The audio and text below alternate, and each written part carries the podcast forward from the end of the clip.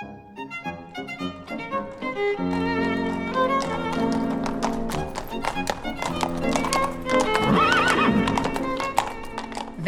till Hallwylska podden, en podcast som spelas in på Hallwylska museet i Stockholm där vi utforskar sekelskiftet 1900 i stort och smått med huset på Hamngatan 4 som en språngbräda. Podden leds av mig, jag heter Emelie Höglund och arbetar som intendent här på museet. I husets knutpunkt, där privat våning, kontor och paradvåning knyts samman, finns Vilhelminas vapensamling.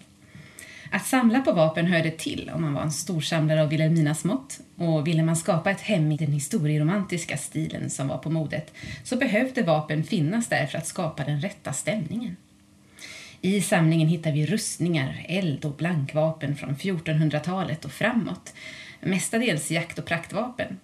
Men vad vill man egentligen berätta med en vapensamling? Vilken bild vill man skapa av sig själv? Och vad kan de här gamla vapnen berätta om sina tidevarv? Det är ämnet för denna gång och med mig i detta har jag de båda intendenterna Samuel Norrby, välkommen. Tackar. Och Andreas Olsson, välkommen. Tack, tack.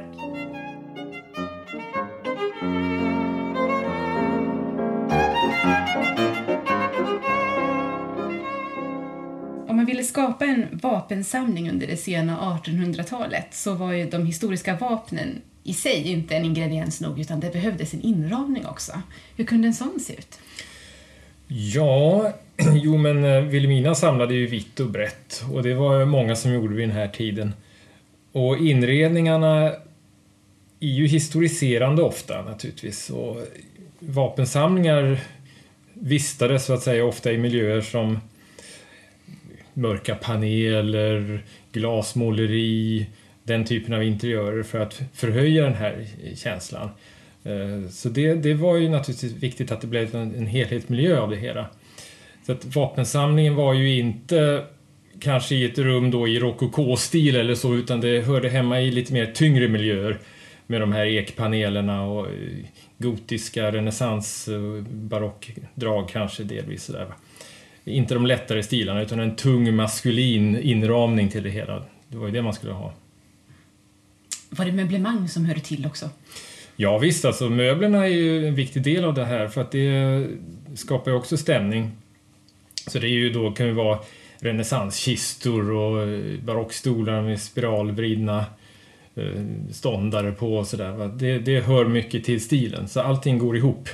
Vapnen var inte isolerade som det kanske är i moderna vapensamlingar, jag vet inte, det är ju mera att samlingen är en sak i sig. Men här var det en helhetsmiljö som man var ute efter, den här historieromantiska stämningen. Hur kom det sig att just vapnen var någonting som liksom hörde till om man var storsamlare, nästan obligatoriskt att samla på? Ja, men det fanns väl eh, några huvudkategorier av antika föremål som snabbt etablerades under 1800-talets gång för eh, den här typen av samlande. Och då var det ju, det kunde vara gamla eh, ekmöbler som sagt, eh, vapen och rustningar. Mm, och, och det blir ju då kärnan i det här, sen porslin och sånt också naturligtvis. Men eh, för många var det väldigt viktigt med just vapnen och de gamla möblerna. Alltså människor som köpte ett gammalt slott eller bygger ett nytt slott i en uh, ny gotisk stil eller någonting var angelägna om att få den rätta autentiska känslan invändigt med hjälp av sådana inventarier. Det blir nästan som inredningsdetaljer, atmosfärskapande. Ja, det var det i många fall. Mm. Och sen fanns det ju också eh, föregångare till eh, de vapensamlingar som man kan säga här i Hallwylska museet eller som skulle kunna ha fungerat som inspirationer där adelsman, adelsmän i många tider har, har haft sina egna små rustkammare eh, där de också har haft bruksvapen men också kanske troféer från slagfältet eller annat. Eh, och man skulle mycket väl kunna tänka sig att, att eh, man inspirerades av det. Eh, även för Vilhelminas del. Eh, och en del av de som hjälpte henne att samla, dem hade ju också arbetat med andra likartade vapensamlingar eh, runt om i Sverige. Så, så där, där, där, där, finns ju liksom en, en inspirationskälla och en kunskap som överförs mellan de här olika institutionerna och eh, Hallwyls vapensamling. Vad är det som skiljer en rustkammare från en vapensamling då? För det är väl lite olika genrer? Eh, alltså en rustkammare kan ju också sägas vara en samling vapen, men i en rustkammare så ingår ju ofta även hästutrustning till exempel och eh, det kan ingå andra exotiska föremål eh, beroende på tid och så. Ehm, tittar man på de vapensamlingar som, som i någon mån kan ha varit kända för Vilhelmina från Hallwyl, alltså som inte då är vapensamlingar enbart från 1800-talet, så kan Skoklosters rustkammare till exempel nämnas. Det har funnits andra eh, adliga rustkammare bevarade ända fram till 1900-talets början och det finns fortfarande några sådana kvar. Eh, få samlingar, men ändå. Ehm, och skillnaden med en vapensamling som Vilhelmina har och en vapensamling som en rustkammare är ju att rustkammarnas vapen användes ju, till viss del åtminstone, eh, rent praktiskt. Ehm, man kan ju säga att Vilhelminas eh, vapensamling också användes. Den användes ju för att visa upp den. Och skapa just den här stämningen som Samuel var inne på. Men det är ju ändå en viss skillnad i att, att det, var, det var ju också bruksvapen i högre utsträckning som användes i samtiden när man pratar om en rustkammare. Och ofta då knutet till antingen adliga ägor eller till kungen. Livrustkammaren är ju ett annat exempel på det. Eh, där kungens vapen förvarades och även rustningar och en del hästutrustning från början ingick i det. Och nu när du nämner just livrustkammaren så kommer man ju tänka på det här med att Wilhelmina ofta hade hjälp av experter när hon byggde sina olika samlingar. Ja, precis. Det, eh, det är väl allmänt känt att, att just eh, föreståndarna för livrustkammaren, först eh, Osbar eh, och senare Rudolf Cederström, eh, de bistod ju Wilhelmina Eh, och har enligt den litteratur som finns också besiktigat många av de föremål som finns i samlingarna här och bedömt dem. Och då rör vi oss alltså fram till, ja, egentligen Hallwylska museet när det öppnar. Mm. men även de kunde ju såklart ha fel. Eh, och eh, sättet att identifiera och sättet att se på samlingar förändras ju över tid. Så det är ju egentligen ett ständigt arbete som man behöver fortsätta med. Men man ska komma ihåg att de här personerna i synnerhet också Rudolf Cederström, han arbetade just också med andra privata samlingar. Till exempel eh, Skoklosters slotts eh, ena vapensamling var han involverad i och tittade på och studerade. Eh, och det är lätt idag att vi tänker oss att eftersom det idag är ett statligt museum även det, så att det ingår i någon form av musealt sammanhang. Men från början så var ju det, och under den här tiden också, privat samling även det. Eh, så att jag tror att den där världen kanske inte var så mycket större på den tiden än att man, det var viktigt att ha kontakter överallt och eh, för att själv också lära sig saker. Ju mer man ser desto mer lär man sig. Och så. Ja, och experthjälp var nog bra att hon kunde få andra samlare som var samtida för att vid den tiden så började ju också rätt avancerade kopior dyka upp. Så att eh, om man kunde få verklig experthjälp i bedömningen vid förvärven så var det naturligtvis en, en stor fördel. Och nu hade hon de två ledande gubbarna i Sverige. Men de kanske inte var helt ofelbara eh, de heller alla gånger. Så att, eh, och samlingen har ju egentligen inte gått igenom sen grevinnans tid och det vore intressant att ta en ny titt på den kanske. Men på det hela taget så kan man nog vara relativt trygg, trygg med att hon hade så god hjälp med de här två cheferna för Livbuskallen. Hur är just Vilhelminas samling uppbyggd då? Vad är det som ingår? Ja, det är ju en eh, exempelsamling som man kan kalla det. Det finns eh, lite av varje. Va? Eh, blankvapen, rustningar, eldhandvapen från, som du sa själv, 1400-talet och fram till början av 1800-talet. Så den är ju inte, den är inte särskilt nischad. Men det var inte samlingarna på, eh, på den tiden, varken vapensamlingar eller samlingar generellt. Man ville ju ha den här kulturhistoriska bredden. Så hon har skaffat ett antal representativa exempel på olika typer. Va? Värjor, rapirer, hjullåspistoler och så vidare. Så så är den uppbyggd. Och eh, det är vanligt för den här tidens samlingar, säger att eh, de ser ut så? Ja, det vill jag påstå. Mm. Sen kunde det väl ofta vara en viss tyngdpunkt kanske i många samlingar mot blankvapen och rustningar för de hade så dekorativa effekter. Men det var, det var nog lika ofta som det var en fin bredd i samlingarna. Det kan ju också bero på att just blankvapen och rustningar för ett otränat öga lätt förknippas med medeltiden, riddare och så. Vilket inte alls behöver ha så mycket med att göra alltid. Men, men det, det kan ju få den rent estetiska effekten. Och det får man ju inte glömma i det här sammanhanget heller när, när vapensamlingen är en så pass viktig del och en del av upplevelsen av att komma hit och, och ta del av samlingarna och huset.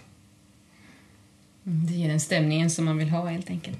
Fanns det liknande samlingar som är värda att nämnas och jämföra med? Ja, oh ja, på grevinnans tid talar vi om då ja. Mm. Det fanns ju många exempel tidigare på 1800-talet och hennes eh, samtid. Det är ju... England var ju lite av ett föregångsland på den här fronten och inte minst eh, Walter Scotts romaner, va? historieromantiska romaner, där börjar det gro ett intresse för den här typen av miljöer och vapensamlingar börjar eh, uppstå. En gubbe i England som heter Samuel Rush Mayrick hade en gigantisk vapensamling till exempel på sitt slott som heter Goodrich Court. Och han eh, var också den första som började vetenskapligt titta lite närmare på vapnens historia och sådär. Och skrev en, en bok om, om det 1823 om jag minns rätt. A Critical Inquiry into Ancient Armor. Det var en sån här eh, banbrytande bok. Och så blir det fler och fler samlingar av det här slaget. Eh, I England och Frankrike och kontinenten. Eh, och i Sverige så småningom också.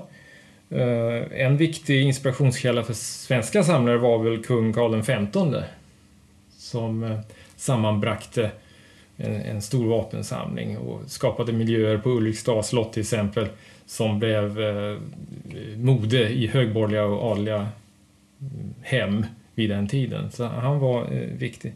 Och utomlands finns ju ett spektakulärt samtida exempel är ju i Italien, det här Stibbert-museet som ligger i, i Florens. Där Fredrik Stibbert skapade enorma privata vapensamlingar, rustkammare. Eh, uh, hans, hans samling har ungefär 12 000 nummer att jämföra med Halvska som är 300. Och, sådär, va? och vapnen dessutom monterade på realistiska vaxdockor från de olika eh, kulturerna. Sådär, de orientaliska vapnen på orientaliska dockor och beridna figurer som har rustningar. Så det är otroligt avancerat. Och det finns en del exempel på det där. Wallace-samlingen i London är ju samtida med grevinnan eh, och den tror jag hon såg också vid sitt besök i London. Så att det, det fanns ju. Va? Och även i, i, i, Sverige då som sagt, kanske inte i samma skala men det, det en sån där doldis som bodde i Lärkstan var eh, kapten Theodor Jakobsson.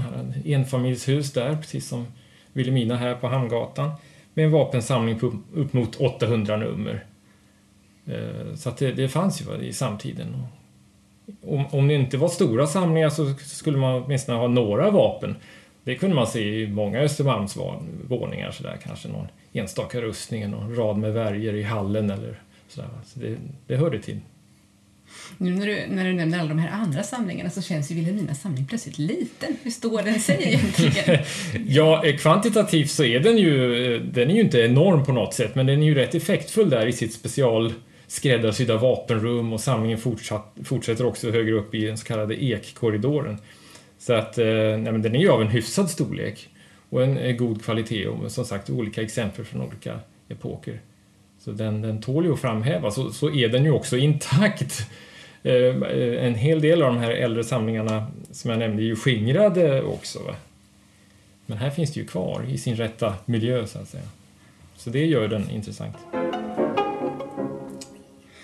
Om vi lämnar Vilhelminas tid lite grann och gräver ner oss mera i de tidevarv som vapnen representerar som vi ser i samlingen så undrar jag lite över det här med behovet att vara beväpnad. Ja, det, det kan ju ha varierat såklart. Vi kan ju tänka oss idag i alla fall, rent hypotetiskt åtminstone, att det finns ju inte samma behov att vara beväpnad eftersom staten har ju våldsmonopol. Eh, och, eh, eller ska ha det åtminstone, och har det i väldigt hög utsträckning. Men så har det ju inte alltid varit. Eh, och jag menar, om man går tillbaks till 1500-1600-talet så kan det mycket väl ha funnits ett större behov av att vara beväpnad eller kunna beväpna sig för att skydda sig både mot vilda djur ute på färder och så om man var ute. Eh, men även alltså mot rövare och stråtrövare och sådär. Och människor har ju i högre grad varit beväpnade tidigare i historien än vad de är idag. Eh, tack och lov kanske man skulle säga. Eh, så, och det representeras ju delvis också i vapensamlingar där det finns ju bössor man brukar kalla för slädbössor till exempel, som mycket väl man skulle kunna tänka sig också har fun kunnat fungera som eh, för personligt skydd till exempel. Och eh, även pistoler kan vara ganska små och klena i vissa fall och också fungerat väl för att eh, försvara sig själv och så vidare. Eh, så att eh, det har nog funnits ett större behov av vapen. Eh, och vi tänker kanske inte så mycket på det idag, att vi skulle känna att vi behövde vara beväpnade. Men, men det har varit betydligt mer spritt. Man, man kan ju också se om man tittar i rättsligt material från, från 1600-talet och, framåt än tidigare liksom att, att det var ju inte alls ovanligt med slagsmål som, som eh, slutade med att man, man, man tog till vapen också. Ehm, och känt är ju också till exempel studenterna i universitetsstäderna som, som kunde duellera och så vidare. Det har ju tidigare också varit ett sätt att att lösa konflikter. Ehm, även om det inte alltid har uppfattats som så positivt eller ens lagligt så har man ju fortfarande kunnat göra det. Eh, och duellera gjorde man ju faktiskt ända in i 1800-talet och kanske till viss mån in i 1900-talet. Eh, så det, har funnits en annan typ av, ja, om inte ett eh, officiellt behov så ett inofficiellt behov för en del människor. Man ska också komma ihåg adelsmän mm, en, en kavaljer ska ju bära en värja. Och det, det är också ett tecken på, på det här adelskapet. Och, och, och, även om en del av de där dräktvärjorna eh, inte eh, primärt sett är kanske så väl anpassade för att slåss med så är de ju ändå, det är ju ett tecken på någonting. Alltså att man, man kan utöva våld. Eh, så, så det hänger ihop med synen på våld skulle jag säga. Och också behovet av att försvara sig själv. Och det är därför som de här vapnen finns kvar kanske också i hög utsträckning. Man kunde nästan säga att eh, det var en del av hur man skulle klä sig, att man också ska bära ett vapen, en del av en outfit. Absolut, för en del eh, samhällsgrupper var det ju absolut eh, så. Eh, adelsman skulle ju definitivt eh, ha någon form av blankvapen, bära blankvapen. Däremot så, så eh, en, man skulle nog inte tänka sig att en bonde kanske kom gåendes med en värja under 1600-1700-talet. Men, men man kan ju mycket väl tänka sig, alltså jaktvapen har ju förekommit i väldigt många samhällsgrupper, i synnerhet bönderna och så, även om eh, viss jakt var förbjuden och endast eh, ett adligt eller ett kungligt privilegium. Så, så visst har man, nog har man kunnat jaga och, och så, och även tidigare så har ju allmogen varit beväpnad innan skjutvapnens tid. Va? Eh, så det har varit nog mer allmänt med beväpning och vapen, där man har kunnat se vapen och, eh, på ett helt annat sätt i samhället i stort än vad vi ser idag. Ja, när du säger vapen som en del av klädseln så var det ju så också att fashionabla vapen och skyddsvapen inte minst följde ju det civila modet rätt nära. Mm. Intressant. Så att eh, man kan ju se stor skillnad på en rustning från 1500-talets början än från 1600-talets början för det påminner i, i silhuett eller vad man ska säga sådär, om det civila modet väldigt mycket. Så där går det ju hand i hand också. Och det är också en viktig aspekt av det hela att man inte riktigt, om man nu tänker på idag, så, så är det så självklart för oss att vi pratar om någonting som är civilt och någonting som är militärt. Och så har det inte alltid varit. Man har inte haft riktigt den begreppsvärlden att röra sig i. Helt enkelt, man har inte uppfattat det på det sättet. Eh, ett exempel är bara 1600-talets Sverige som i princip var en militärstat där väldigt mycket av samhällets resurser inriktades på att att just eh, militär och krigsmakten skulle fungera. Eh, och där var ju väldigt många människor också indragna i militär tjänstgöring och så. så att det är inte bara det rent fysiska, vem som bar vapen, det kanske också handlar om hur man såg på det militära respektive det civila och bruket av våld och bruket av vapen överhuvudtaget. Vi behöver inte ens personligen jaga idag för att få vårt kött på bordet.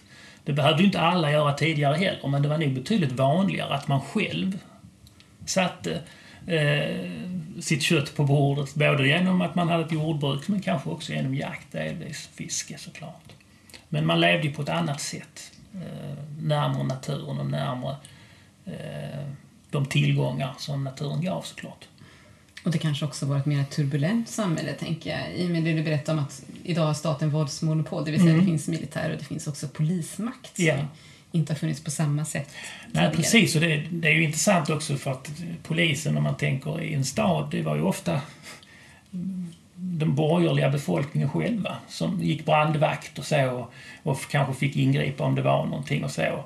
Och visst, eh, visst hade man liksom då enstaka personer som kanske hade det som sitt arbete att just eh, se till så att eh, skatter eller, eller fordringar och sånt kunde drivas in eller, eller hålla en viss ordning och sådär.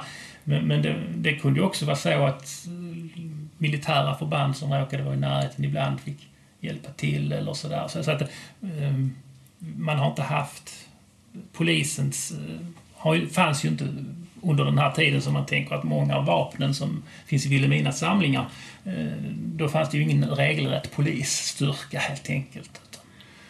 Och när det kommer till det här med klädedräkten kan man också tänka på att eh, Värjor kunde ju mycket väl göras i garnityr med till exempel knapparna som satt i en rock eller spännena som satt på eh, skorna på adelsmannens skor liksom. Det finns ju fantastiska sådana garnityrer, inte, eh, inte här kanske, inte så många i Sverige, men det finns i, i Sachsen, i Dresden, i deras samlingar där som har tillhört de saxiska kungarna. Eh, hela garnityr med juvelprydda eh, blankvapen tillsammans med knappar och så. Så, så, så det är ju verkligen, där pratar man om det högsta mode liksom och, och, verkligen ett sätt att visa upp sig själv. Men där då vapnen utgjorde en självklar del också. Ja, även om vi inte har juvelprydda vapen kanske i Vilhelminas samling så finns det ju rikt dekorerade exemplar. Vad, vad kan vi se för motiv på dem? Hur ser de ut? De här praktpjäserna. Ja, vi har ju till exempel jaktgevären från sen 1500-tal, tidigt 1600-tal. De har ju mycket inläggningar. Ben, pärlemor, elfenben och sådär. Och där är det ju en motivvärld som ofta rör sig kring det här med jakt också. Springande hjortar och harar och någon jägare i en buske som siktar på dem. Och så motivutsmyckningen eh, tar ju sin utgångspunkt i vad de faktiskt användes till ofta. Kombinerat förstås med rent ornamentala effekter och arabesker och, och sådär. Klassiska motiv kan man ju också säga ibland, alltså som hämtade ur eh, romersk, grekisk mytologi till exempel och, och den typen av berättelser. Ehm, då, tittar man på rena material så, så elfenben var ju väldigt eh, exklusivt. Eh, och det finns ju även i Vilhelmina samling ett par elfenbenspistoler från Maastricht som är från 1660-70-talet. Eh, och det är, det är väldigt väl utförda skurna pistoler med ansikten längst bak på kolven. Och den typen av pistoler förekommer i, i, i flera andra samlingar i Sverige och internationellt. Det brukar sägas att det finns cirka 50 par i världen. Det är väl högst osäkert om det finns några till kanske bevarade, men, men det, det visar ändå lite grann på exklusiviteten eh, på de föremål som ändå är här. Att det är väldigt hög klass och de tillverkades i princip bara i Maastricht under en begränsad tid. Och där har, kan man ju verkligen prata om eh, lyxvapen som nog framförallt var till för att visa upp och möjligen kanske skjuta lite prick med någon gång då och då, men det är ingenting man släpar med sig ut i skogen. Det skulle i varje fall inte jag göra. Nej, när använder man såna här praktpjäser? Jag kan nog tänka mig att det, det, det har varit förevisningsobjekt också. Eh, men man ska komma ihåg, tror jag, att ingenting tillverkades bara för att visas upp. Inte när det gäller vapen, utan alla vapen de var ju tvungna att fungera, annars så, så var det ju tämligen meningslöst. Kanske till och med farligt. Ja, men, men liksom det, det, det fyller liksom ingen funktion att, att, att man tillverkar ett vapen som inte går att använda. Ehm, för att då skulle man lika gärna kunna tillverka ett annat föremål som kunde uppvisa samma tekniska eh, finess och, och fina material. Eh, så, så, så, vapnen som finns här och som Eh, som har, eh, har funnits under äldre tid. Alltså det är klart att de har varit, avsikten har varit att man måste kunna använda dem, men, men det primära kan ändå ha varit att man ska visa upp dem, förevisa dem. Det kan ju likställas också med hur man förevisade till exempel kabinettskåp under 1600-talet och dess innehåll. Eh, det var ju ett sätt att visa upp både att man var bildad men också att man var väldigt rik. Och, och man skulle mycket väl kunna tänka sig att väldigt exklusiva vapen kunde förevisas på likartat sätt för den inre krets som var intresserade av det här. paradrustningen var ju ett fenomen under Ja. renässansen. Vi har inte någon sån i Hallwylska samlingen dessvärre. Ja, en hjälm, en päronhjälm som det heter med rik dekor har vi visserligen, men ingen hel rustning. Men de var ju rena praktpjäser, Mm. även om de kunde stå emot en del kanske de med, men de var väl inget man drog ut i fält med, eller? Nej, nej alltså det, fin, det finns ju exempel på rustningar sådana, eh, påverkade av renässansens eh, mode och så. Till en början så försökte man ju under slutet av 1400 och 1500-talet imitera eh, rena romerska rustningar och så, men de blev successivt allt mer fantasifulla och, och sådär. Va? Ehm, och, men men de, de användes ju också, men inte i krig. Alltså då användes de ju i kanske parader eller i, i så kallade riddarspel eh, och så vidare. va?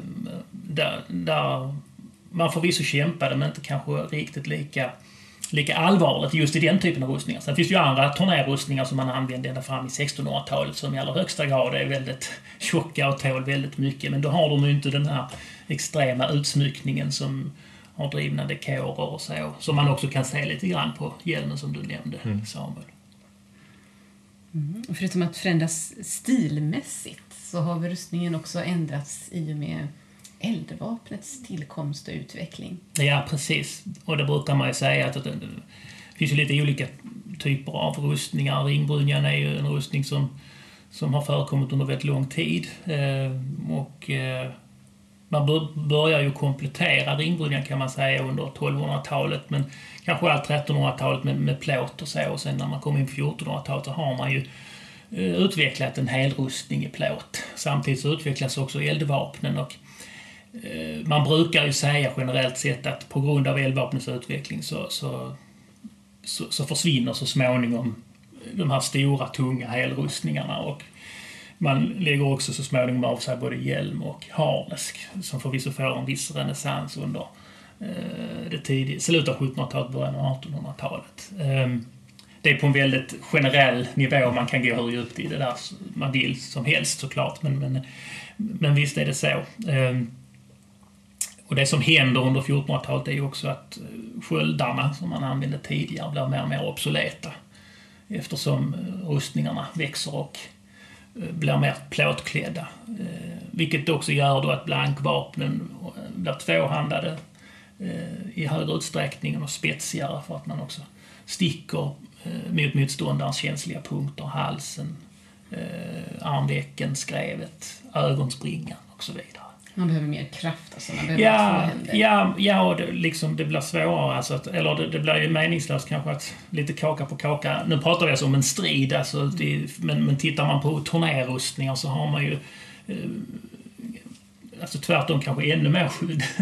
eh, med, med förstärkningsstycken, eh, sköld och, och så såklart. Eh, Men då, då pratar man ju om en, olika typer av turnérformer istället. Men om man tänker sig att avsikten är att döda så är det väl så man kan beskriva det. Vi har ju en rustning i Hallwylska samlingen här som nog kan, en så kallad cuirassier-rustning. Så kan man väl säga är den sista generationen helrustning eller så gott som som användes i Kido 1620 ungefär. Så där. Eller hur? Det är ju Mm. det tunga kavalleriet då. Ja, precis. Eh, Cuirassierna var ju det, kan man säga, då, det sista. De sista som använde trekvartsrustningar var de då. De, de slutar ju vid knäna, så de, de har ju tassetter på låren som går ner och eh, skydd för knäna. Och även bröst eh, och ryggharnesk, eh, armskenor eh, och hjälm då. Eh, och eh, då, då det användes ju under 30-åriga kriget, kanske ända fram till 1640-talet. Eh, och man fortsatte förvisso kanske använda bröstplåt och ryggplåt och hjälm kunde man använda kan man säga till exempel i Storbritannien, Cromwells Ironsides. De hade då ett kyllorns tjock eh, läderrock kan man säga och eh, då bröst och ryggplåt och hjälm. Eh, Men när man kommer in sen under 1700, alltså omkring 1700 och strax där innan så, så, så finns det inte så väldigt mycket av det där kvar. Även om såklart den karolinska armén under tidigt 1700-tal stundom också bar harnesk, alltså framförallt kavalleriet då, de beridna trupperna kunde ju bära harnesk. Jag tänker på en vanlig fråga som kommer ifrån våra besökare när de ser rustningarna och eh, brynjorna som vi har i samlingen. Det här med vilken typ av rustning är egentligen smidigast? Vad vill man ha på sig i strid? För det måste ju finnas en balans eh, eller en avvägning som man måste Mm. göra mellan att kunna röra sig och att skydda sig. Ja, precis. Och det är det, det är väl alltid den stora frågan liksom. De, de fyller delvis olika funktioner. Har du en, en, en brynja så, så är du ju såklart rörligare, men den väger också en, ett, några kilo. Va? Eh, så att du är ju inte alldeles eh, lättrörlig heller. Jag har för mig att jag har hört att ringbrynjan till och med kan kännas tyngre eftersom allting vilar, vilar på axlarna sådär medan plåtrustningen är lite mer fördelad över kroppen. Det kan påverka. Å andra sidan kan man lyfta upp en ringbrynja och dra åt en livrem under så vilar den också på höften. Mm. Så att det finns olika aspekter av det där. Men, men det man kan säga om ringbrynja är att den skyddar inte särskilt väl mot stick. Den skyddar inte särskilt väl mot krossskador heller. Utan då måste man ju ha någon form av värdering under den. Eller så för att den ska skydda helt enkelt. Och då fungerar ju en plåtrustning på det sättet bättre mot stick och även krossskador. Däremot så blir man då mindre rörlig. så, så att det är ett givande och tagande eh, såklart. Eh, jag tror inte det finns något sådär ultimat svar. Ja, det beror på vad du ska göra. Det är nog svaret på frågan. Och anledningen att rustningarna försvinner, det, eh, det, det, det har att göra med att man förmodligen inte uppfattar dem så väldigt praktiska längre. Ehm, man kan tänka på ett, en modern soldat. Varför har inte alla moderna soldater helt skottsäkra dräkter på sig? Det skulle kanske vara möjligt. Ja, förmodligen är svaret frågan att de skulle inte kunna röra sig särskilt väl i dem i relation till de uppgifter som de ska utföra. Så, så det hänger nog ihop med det, skulle jag tro. Mm, säkert. Så tittar man på 600-talet kan man säga, ska man turnera, då kan man ta den fulla munderingen för du behöver inte springa så snabbt. Nej, precis. Och det, det är ju intressant just när du säger turnering för att ganska tidigt så börjar ju alltså även turnérrustningar utvecklas separat. Eh, delvis alltså delar som faktiskt bara endast används vid turnering. Eh, och man brukar prata om, om fredlig dust och krigisk dust eller the just of war, the just of peace. Och det intressanta med det är att eh, i the use of war eh, så då, då har man alltså i princip en fältrustning eh, utan extra skydd. Men i Just of Peace, alltså i fredlig dust, så har man då eh, många förstärkningsstycken och så, just för att man ska minimera skaderisken. Ehm, och det, det, under 1500-talet så, så utvecklas ju då eh, hälrustningen helrustningen till att bli eh, hela garnityr med extra förstärkningsstycken, extra hjälmar eh, som man kan variera mellan så att man kunde använda en rustning både som en fältrustning men också som en, en rustning för just turnering och riddarspel. Då. Och då är det ju det som är poängen, att man ska vara mer skyddad när man turnerar än när man är ute i strid egentligen. Men det hänger då ihop med att en rörlighet som man förlorar om man hänger på sig för mycket. Vissa sådana rustningar hade ju tonvikten helt på överkroppen. Saknade Ja, till och med benskenen längre ner för att det skulle bara vara för skulle ske. Precis. Mm. Också vänstersidan på, på en mer utpräglad turnérrustning är ju som regel starkare. Man har ett asymmetriskt utseende på, på en sån rustning. För du har en rörlighet i högersidan som du inte har i vänstersidan. Den ska liksom, vänstersidan ska ju ta landsstöten, är tanken då. Man, nu pratar vi om de landsstrid. Sen finns det ju andra typer av turneringar som är fotturneringar, så då är det lite annorlunda. Men det vi har här i- i Hallwylska samlingen är då den här cuirassier-rustningen. Sen finns det då också andra sammansatta eh, rustningar och också orientaliska rustningar. Eh, ett fint harnesk finns det här också från ja, 1550 till 1570 med, med ett satt motiv på med en bedjande krigare inför Jesus på korset. Ett ganska vanligt förekommande motiv som dekor på, på tyska rustningar från, från den här tiden.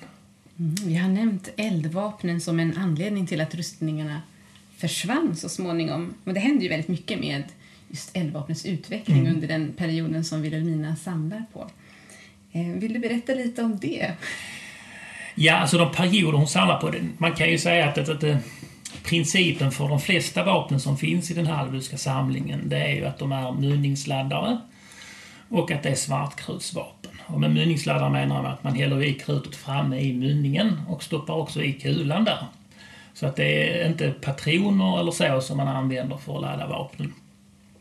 Och eh, det, det som egentligen då skiljer olika eh, vapen åt genom historien från ja, när man börjar använda krut någon gång på 1300-talet, kanske 1400-talet är det framförallt om man pratar om eldvapen.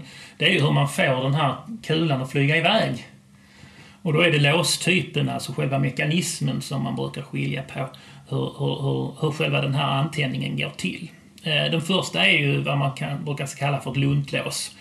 Och det är alltså en glödande lunta som förs ner mot ett litet hål som då ansluter till krutet som ligger inne i pipan. Och eh, då lägger man också krut här i en fängpanna kallas det, som är alldeles in till hålet och då blir den, när det krutet tänds så gnistrar det in i pipan och så går kulan iväg. Lite stubinkänsla? Ja, det kan man väl säga. För den brukar sitta på en hävarm och så. Och det, det finns ingen, ingen europeiskt sånt vapen i samlingen här, men väl, jag tror det är ett indiskt.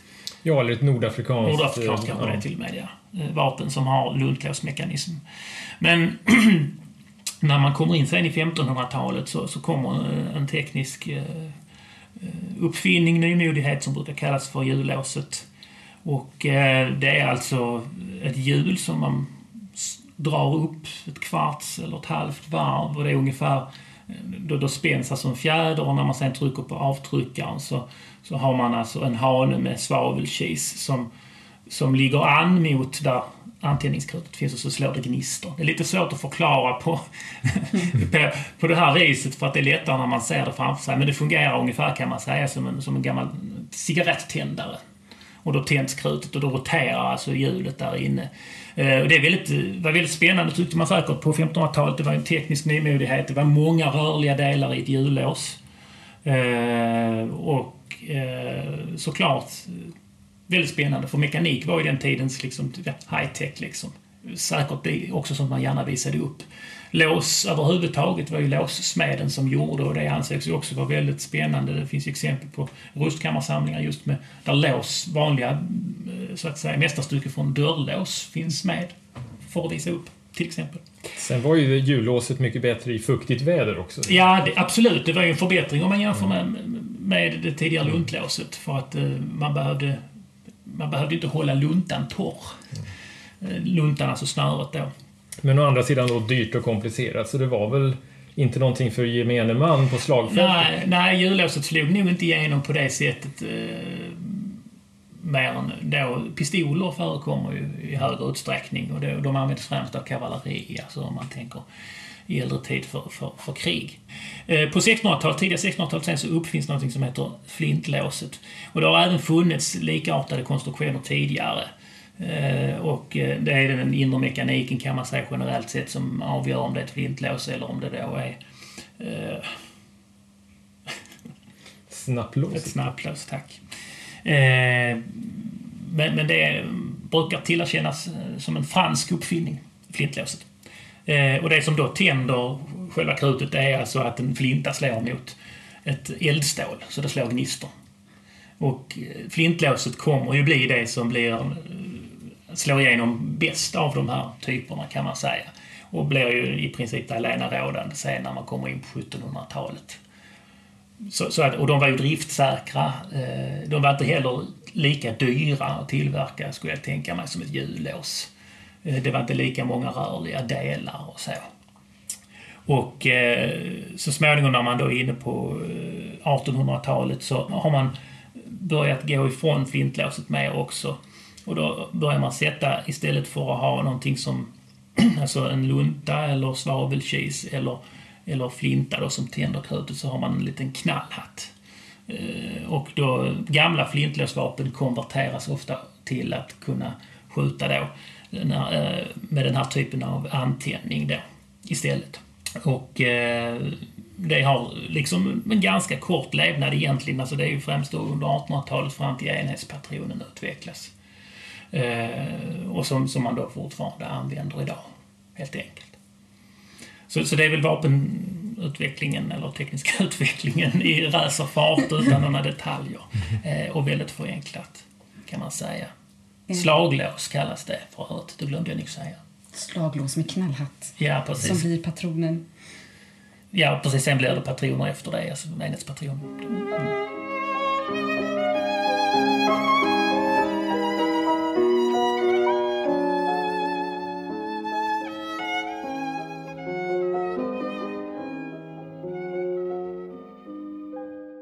Förutom lösningar på att få iväg kulan så finns, fanns det också olika lösningar på hur man egentligen skulle ladda. Ja, precis. Om man tänker... Ja, jag pratade om det här att det är mynningsladdare och det är det man ser i filmer alltid.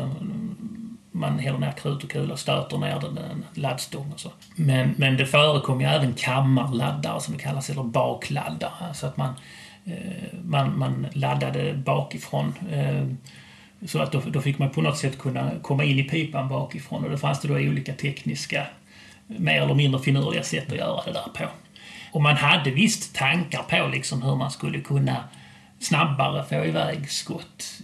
Eh, och, och, och ha, det finns till exempel vänderkonstruktion också representerad i, i den halvbulska samlingen där man har eh, två pipor och man, när man trycker in en spärr så kan man då rotera upp nästa pipa som är färdigladdad och då kan man skjuta två skott åtminstone i snabbare följd. Man slipper ladda om då.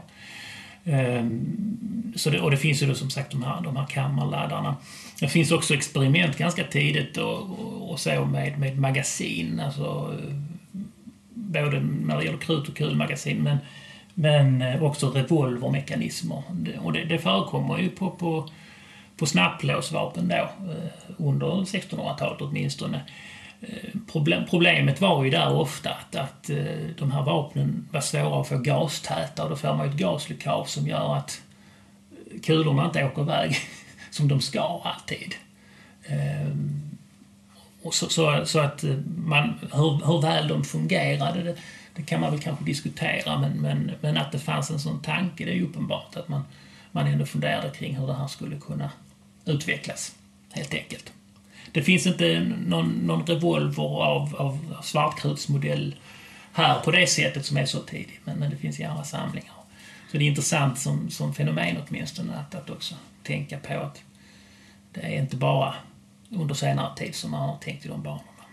Men vi har en eh, kammarladdad Kammarladdare, absolut. Som är tidig? Ja, som är tidig 1600-talet, eller den är 1670-tal tror jag.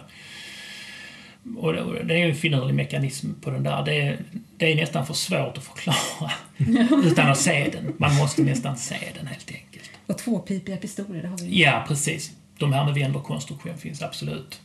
Också holländska tror jag de är. Mm. Ett sätt att ha mer än ett skott i begynnelsen det var ju i alla fall att ha två pistoler, eller hur? Ja, det var ju, de kom ju i par hela tiden. Men, men det ska man ju inte förväxla med duellpistolerna, för det är ju lite särskild kategori, de som är specifikt gjorda för dueller. Det kommer väl egentligen mot slutet av 1700-talet någonstans, eller hur? Mm. Men innan dess så var det ju ändå att paren, eh, de kom i par. Och man hade i, i hölster på vid sadeln och sådär. Och det, så hade man åtminstone två skott. Så det är parpistoler till skillnad från duellpistoler. Mm. Om man tänker på rustningen, att det fanns en balans där, ett val att göra mellan att vara smidig eller säker, mm. så att säga, så finns det ju en liknande motsägelse i eldvapnen.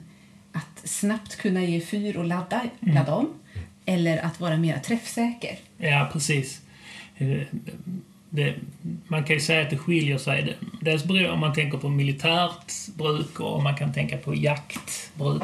Eh, eldvapen som användes av Eh, musketerarna, eller musketörerna, beroende på hur man vill kalla dem. Men, eh, det var ju ganska enkla eldvapen. Eh, musköter brukar de kallas och de har ju en slätborrad pipa eh, som gör att alltså, de är ganska snabba att ladda. Eh, det är ju krut och, och, och, och kula och förladdning så stöter man i den ganska snabbt i musköten och, och så.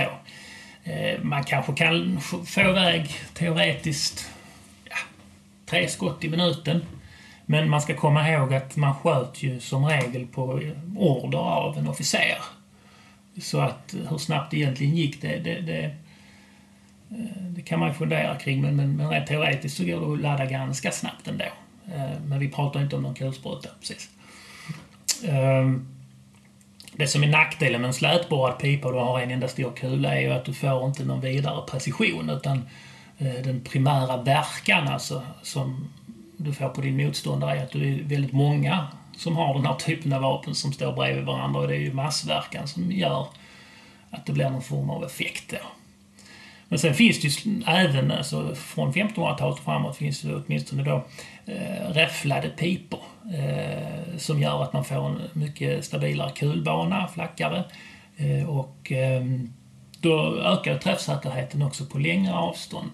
Det som gör att man kanske inte har introducerat det så tidigt som 1600-1700-talet i någon högre utsträckning för militära förband är att det tar längre tid att ladda en räfflad pipa för man får trycka ner kulan med en liten fetlapp, en linnelapp som man lägger först och sen trycker man ner kulan då.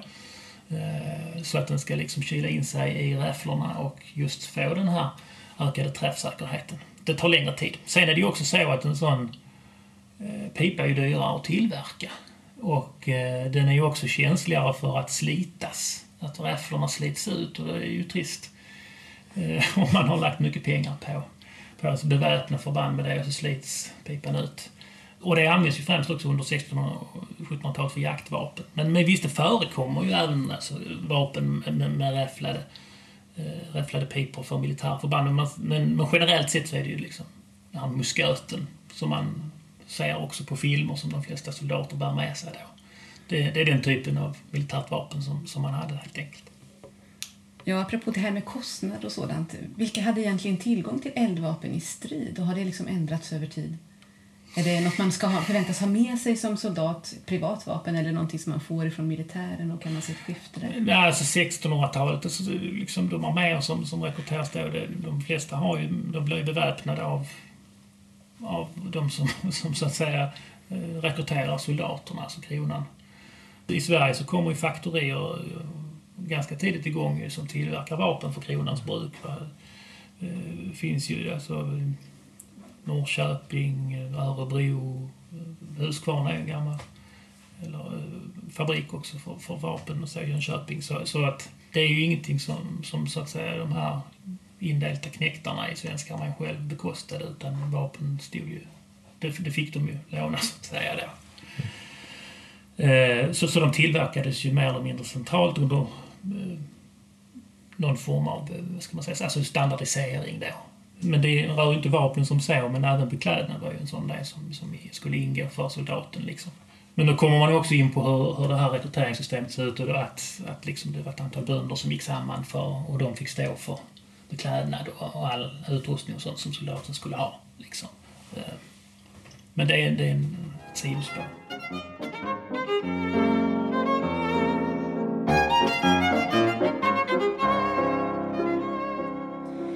Om man nu föreställer sig alla de här soldaterna som står på rad och skjuter på kommando så måste det ha bildats en hel del rök ifrån musköterna. Mm. Vad är egentligen sikten under ett slag? Ja, du, det kan man ju undra. Eh, den har förmodligen inte varit särskilt god. Eh, svartkrut det genererar ganska mycket rök, krutrök och det blir liksom en ganska så tät, tjock stickande dimma i vissa fall framför sig. Så att nej, sikten var inte god. Och det, det säger ju också en del om kanske... Ja, om man ändå inte kan se så kanske inte det spelar så jättestor roll att man inte har ett jätteträffsäkert vapen. Men visst, alltså, det är ju inte så att man inte träffar någonting med en musköt. Alltså, den kan vara effektiv på en 50-100 meter om man är en god skytt, känner sitt vapen och vårdar det väl. Det är inte det som är det primära syftet kanske, att den ska vara väldigt pricksäker. Utan det handlar om masseffekten. Som en jättestor hagelbössa liksom. Kommer hundra man kanske då. Mm. Om vi går över från eh, användande till mera utseende så har ju gevärets utseende formats genom århundraden och såklart inte slumpartat utan det finns ofta en tanke bakom den formgivningen som man kan se. Mm. Vill du berätta lite om den? Till exempel eh, varför har man metall längst bak på kolven på ett gevär? Ja, så det har ju förmodligen alltså, stor säkerhet varit för att skydda det eftersom själva kolven och stocken är gjorda av trä vanligtvis ett material som slits på ett ganska eh, brutalt sätt om man sätter ner det mot hårda underlag och så vidare. Och då sätter man ju såklart metall bak på kolven för att skydda när man stödjer vapnet ner mot marken kanske när man laddar och så. Och tittar man på eh, vapen då som har, av tysk stil, som har tysk kolvtyp som de såg ut under 1500-1600-talet så finns det också en liten kula längst bak på på kolven just för att undvika att man ska stödja hela kolven mot marken och då stödjer man det på kulan istället. De, de vapnen de kan se lite underliga ut för en modern betraktare.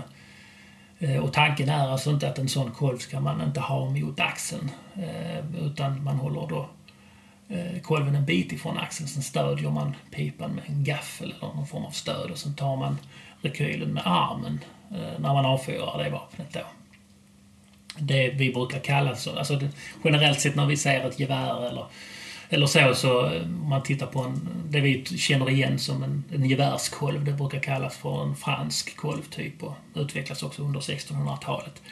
Ehm, och kanske är det så att man kan säga delvis att det tar sin lilla tid innan ett föremål finner sin, sin mest praktiska form. Ehm, men när man kommer dit att man har kommit till den franska koltypen, den håller åtminstone i sig ganska länge och det är ju fortfarande så att man man tänker sig, har man ett gevär eller ett, ett, vapen som, som är så stort, då ska man ju stödja det mot axeln och inte hålla det en bit från axeln, för det kan ju göra väldigt ont om man skjuter med ett modernt vapen en bit från axeln. Eh, så eh, nog är det väl så kanske att, att den, den mest praktiska Eh, konstruktionen, det är den som då i det här fallet har överlevt. Även om man såklart kan säga att det här tyska modet faktiskt finns kvar. En, en bit in i vissa fall på, på 1700-talet också, men det är mer ovanligt faktiskt. Och de här kulorna som du nämner på gevären, det är någonting som besökarna brukar lägga märke till. På pistoler från 1500-talet finns de ju också. Ja, precis. Ja, då pratar man om en jättestor kula. Liksom. Ja. De kulor jag pratar om nu är liksom bara som en liten pärla nästan längst bak. Som, som, men, men absolut, eh, det finns då poffertar brukar man ibland kalla eh, pistolparen från från, från 1500-talet som har väldigt stora eh, kulor längst bak på, på själva kolven eller handtaget så att säga. Och det där kan man ju alltid fundera över varför de ser ut så där. Eh, det ser lite arkaiserande ut i viss mån. Eh, man ska då komma ihåg att man hade ju dem ofta, som Samuel tidigare sa, eh, på varsin sida framför sig när man red, alltså på hästen. Och man drog ju ofta en pistol korsvis, alltså som man tog i höger hand över på vänstersidan för att dra pistolen. Och om man då har väldigt tjocka handskar, kanske till och med plåthandskar i viss mån och ska dra en pistol så kan det ju vara praktiskt att det finns någonting ordentligt att hålla i. Så att den där kulan då som är längst bak, den är lättare att få tag i än om du har något mindre. En annan teori är att Eh, man också använde dem som liksom kunde klubba till folk med dem. när man hade skjutit sitt skott då. Eh, mindre troligt är det kanske om det är då pistoler med fina inläggningar av ben eller horn och pärlemor och sånt där som man inte så gärna drämmer i huvudet på någon eller så. Nej, eh, och kulorna var ju ofta ihåliga faktiskt. Ja, precis. Jag, jag, tror mer på greppteorin själv. Ja, precis. Nej, men det, det kan ju också vara så alltså, om, om, de, de är, om de skulle vara mer homogena liksom, så att de på något sätt också balanserar upp vapnet lite grann. Men, men jag tror nog greppet och, och att man tänkte sig, men det där, det där tyckte man var bra på den tiden. Men, men det, det är ju också en sån sak som försvinner ju. Alltså, rutarpistoler ser inte ut så sen när man kommer in en bit på 1600-talet. Då har man lämnat det bakom sig. Har rustningen ändrat form då på handsken vid det laget? Nej, jag tror inte man kan... Nej, det, det, det, är, en, det är en bra synpunkt. Nej, det har de ju inte. Men, men liksom... Den, den ena gissningen är ju inte sämre än den andra, skulle jag tro, i det här fallet faktiskt. Det är svårt att veta, helt enkelt. Eh, varför man gör på vissa saker, vissa sätt. Rent stilistiskt kan det ju också vara viktigt. Eller en aspekt av det, att man utvecklar men, men man använde ju helrustningar i högre utsträckning på 1500-talet än vad man gjorde på 1600-talet, även om det förekommer fram till 1640-talet åtminstone. Eh, trekvartsrustningar.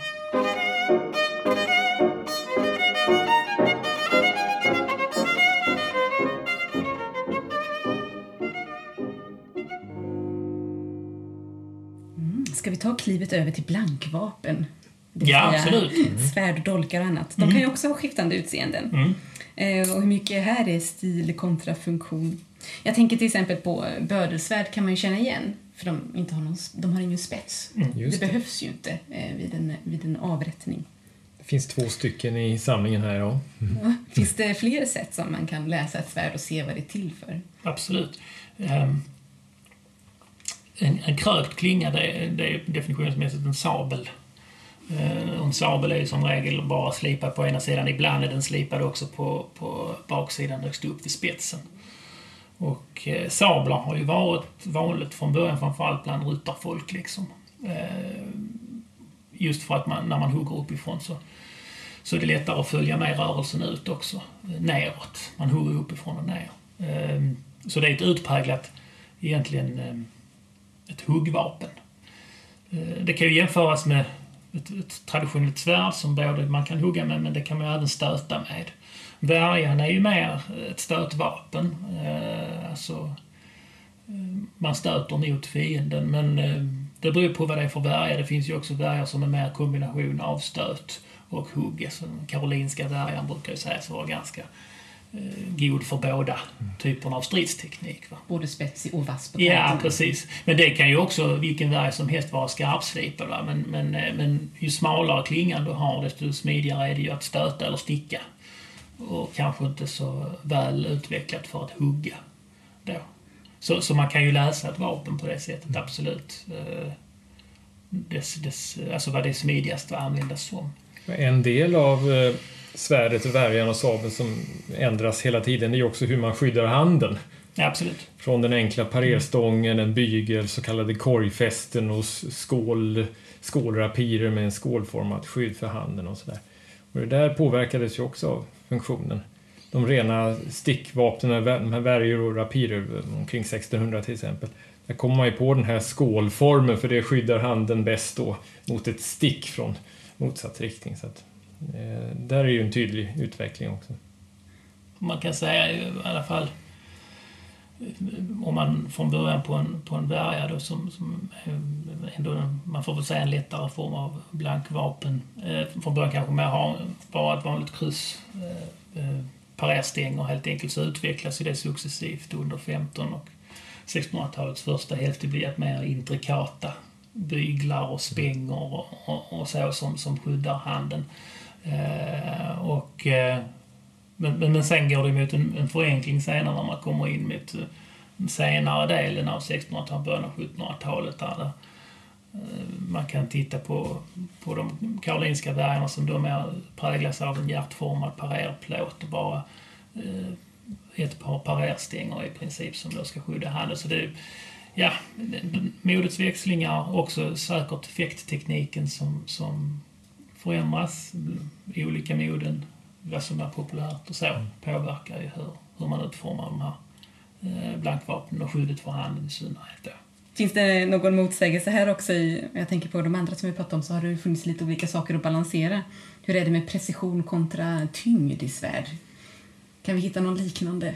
Jag vet inte om vi kan. Det är sökt kanske. Jag vet inte. Nej men alltså Många undrar om de här stora 1,5 handsvärden som finns i samlingen och tvåhandsvärd och hur man hanterade dem på något effektivt sätt.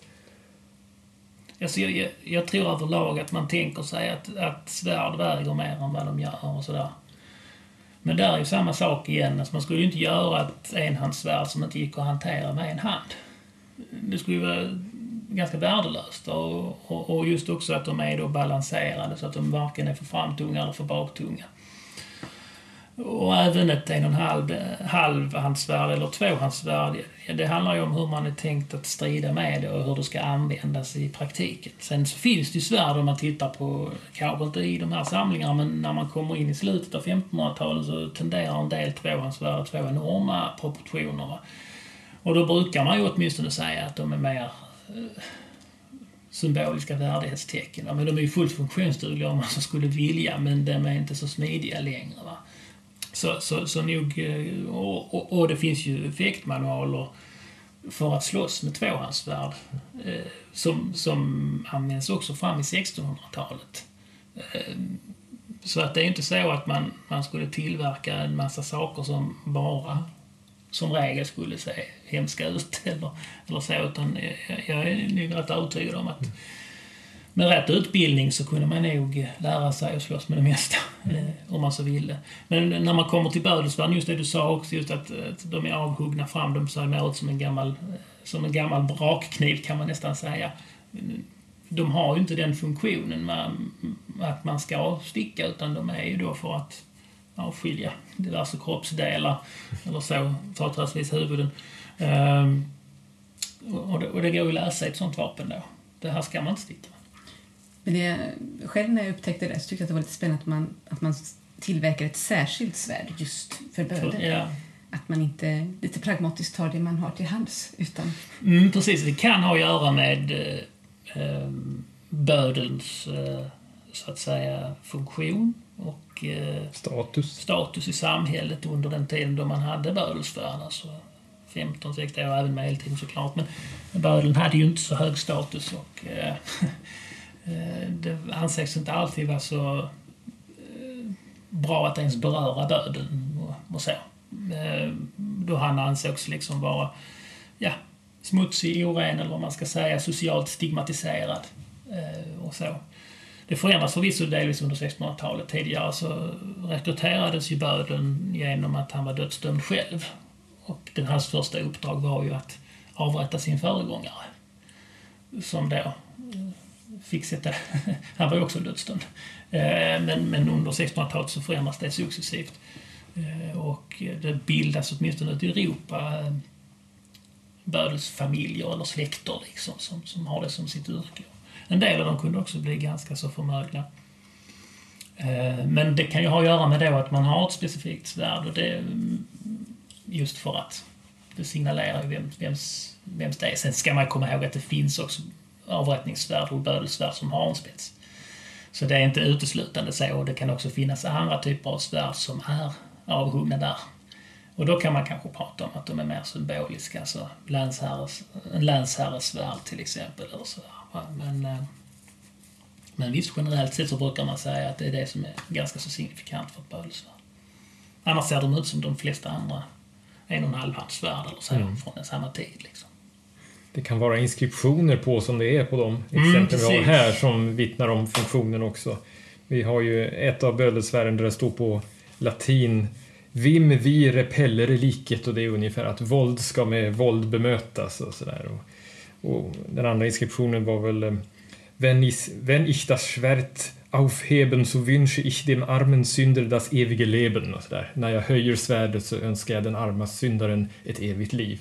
Så det var ju väldigt tydligt då frågan. Mm. Ett svärd med ett syfte. Mm. Ja, nu har vi egentligen bara helt lätt gått igenom vapenhistorien och som ni märker så finns det en hel del att berätta utifrån den här samlingen. Eh, men jag tror att vi får runda av för den här gången och kanske får vi återkomma med ett framtida avsnitt längre fram. Tack så mycket för att ni har lyssnat till oss denna gång och tack Samuel och tack Andreas för att ni tog er tid att komma hit för den här inspelningen. Tack själv. Tackar.